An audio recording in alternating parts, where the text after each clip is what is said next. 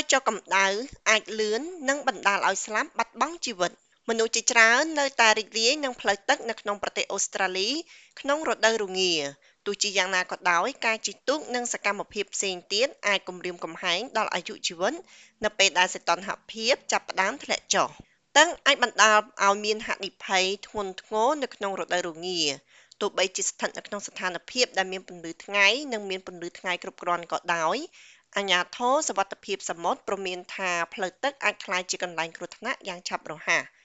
លោក Glenn Sullivan គឺជាអធិការនៃកងម៉ារីនជួយសង្គ្រោះសម្រាប់រដ្ឋ New South Wales គាត់បានធ្វើការជាមួយនឹងអ្នកជួយសង្គ្រោះនិងជាអ្នកសម្របសម្រួលការជួយសង្គ្រោះជាទូទៅអ្នកនេសាទនិងអ្នកហែលទឹកជាច្រើនដែលជួបបញ្ហានិងអ្នកជិះទូកកាយ៉ាក់ដូច្នេះពួកគេក៏ត្រូវខ្យល់បក់ខ្លាំងនៅឆ្នេរសមុទ្រ ហើយរលកក៏បានបោកបក់អ្នកនេសាទឲ្យធ្លាក់ចូលទៅក្នុងរលកធំធំ ហើយនោះគឺជាថ្ងៃដែលមានពន្លឺថ្ងៃល្អជាមួយនឹងឥទ្ធិពលនៃទឹកត្រជាក់និងខ្យល់ក៏ដោយវាមានផ្នែកដ៏ពិតប្រាកដមួយនៅក្នុងនោះធ្វើឲ្យកម្ដៅថយចុះនិងលក្ខខណ្ឌត្រជាក់ខ្លាំងនិងបញ្ហាសុខភាពចាប់ផ្ដើមកើតឡើង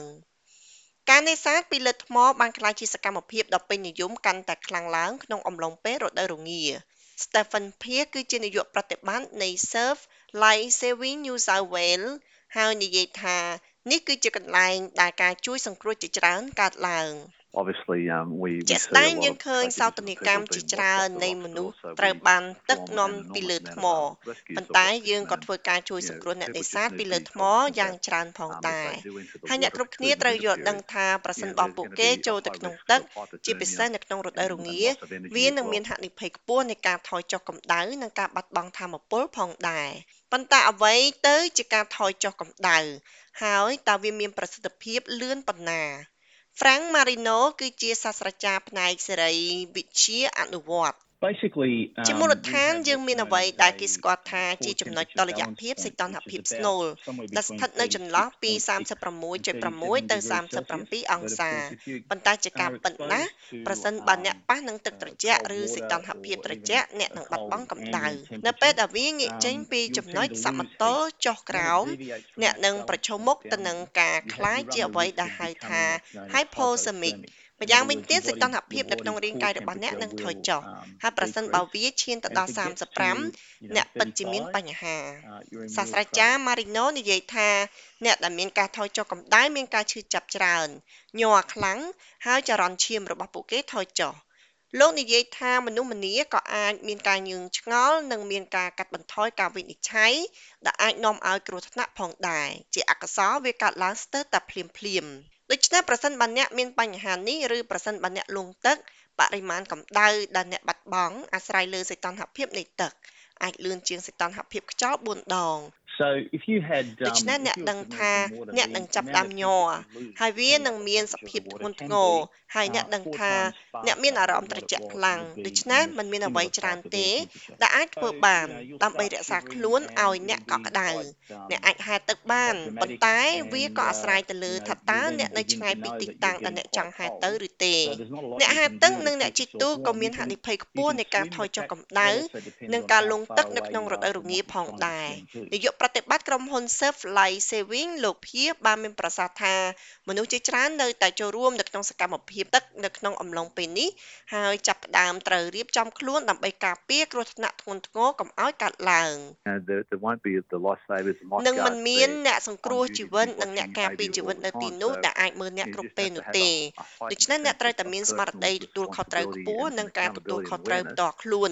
និងការយល់ដឹងប្រសិនបើមានបញ្ហា អ្នកមានផែនការដើម្បីធ្វើឲ្យប្រកាសថាអ្នកដតីដឹងថាអ្នកកំពុងមានបញ្ហាហើយអ្នកអាចទទួលបានការឆ្លើយតបលោកភៀននិយាយថាការជួយសង្គ្រោះភាគច្រើនដែលកើតឡើងនៅក្នុងរដូវរងាគឺជាការនេសាទពីលើថ្មឬការជិះទូកកាយ៉ាក់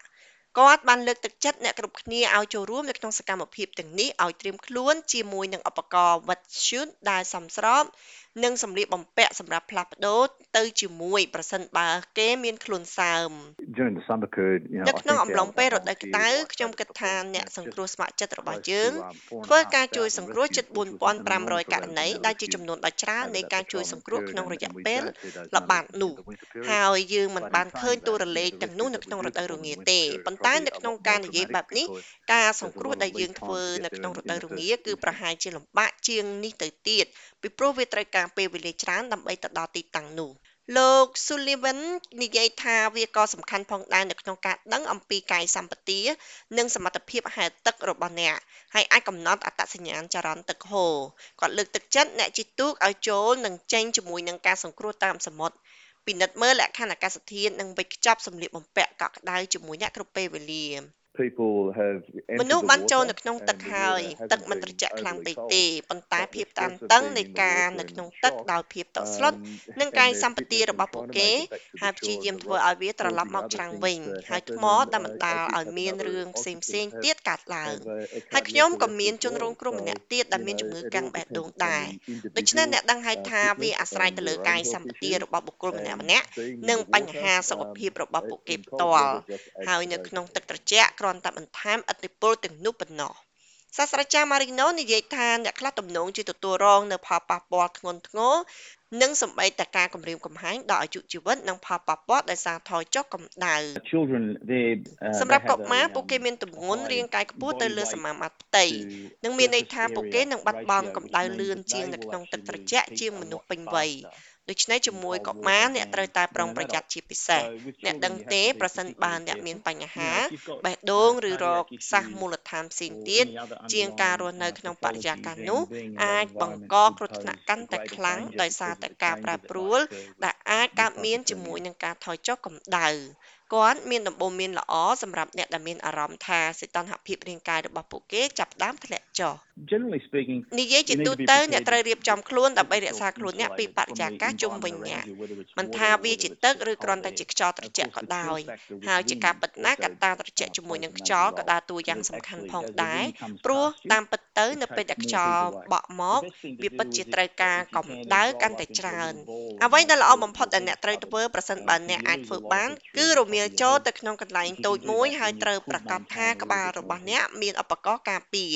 ដោយសារតែការបាត់បង់កម្ដៅច្រើនតាមរយៈផ្នែកខាងលើនៃក្បាលរបស់អ្នកបើអ្នកធ្វើបែបនេះអ្នកអាចរក្សាកម្ដៅបានបន្តិចទៀត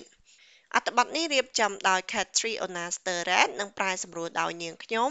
Lau Dani សម្រាប់ការផ្សាយរបស់ SBS ខ្មែរ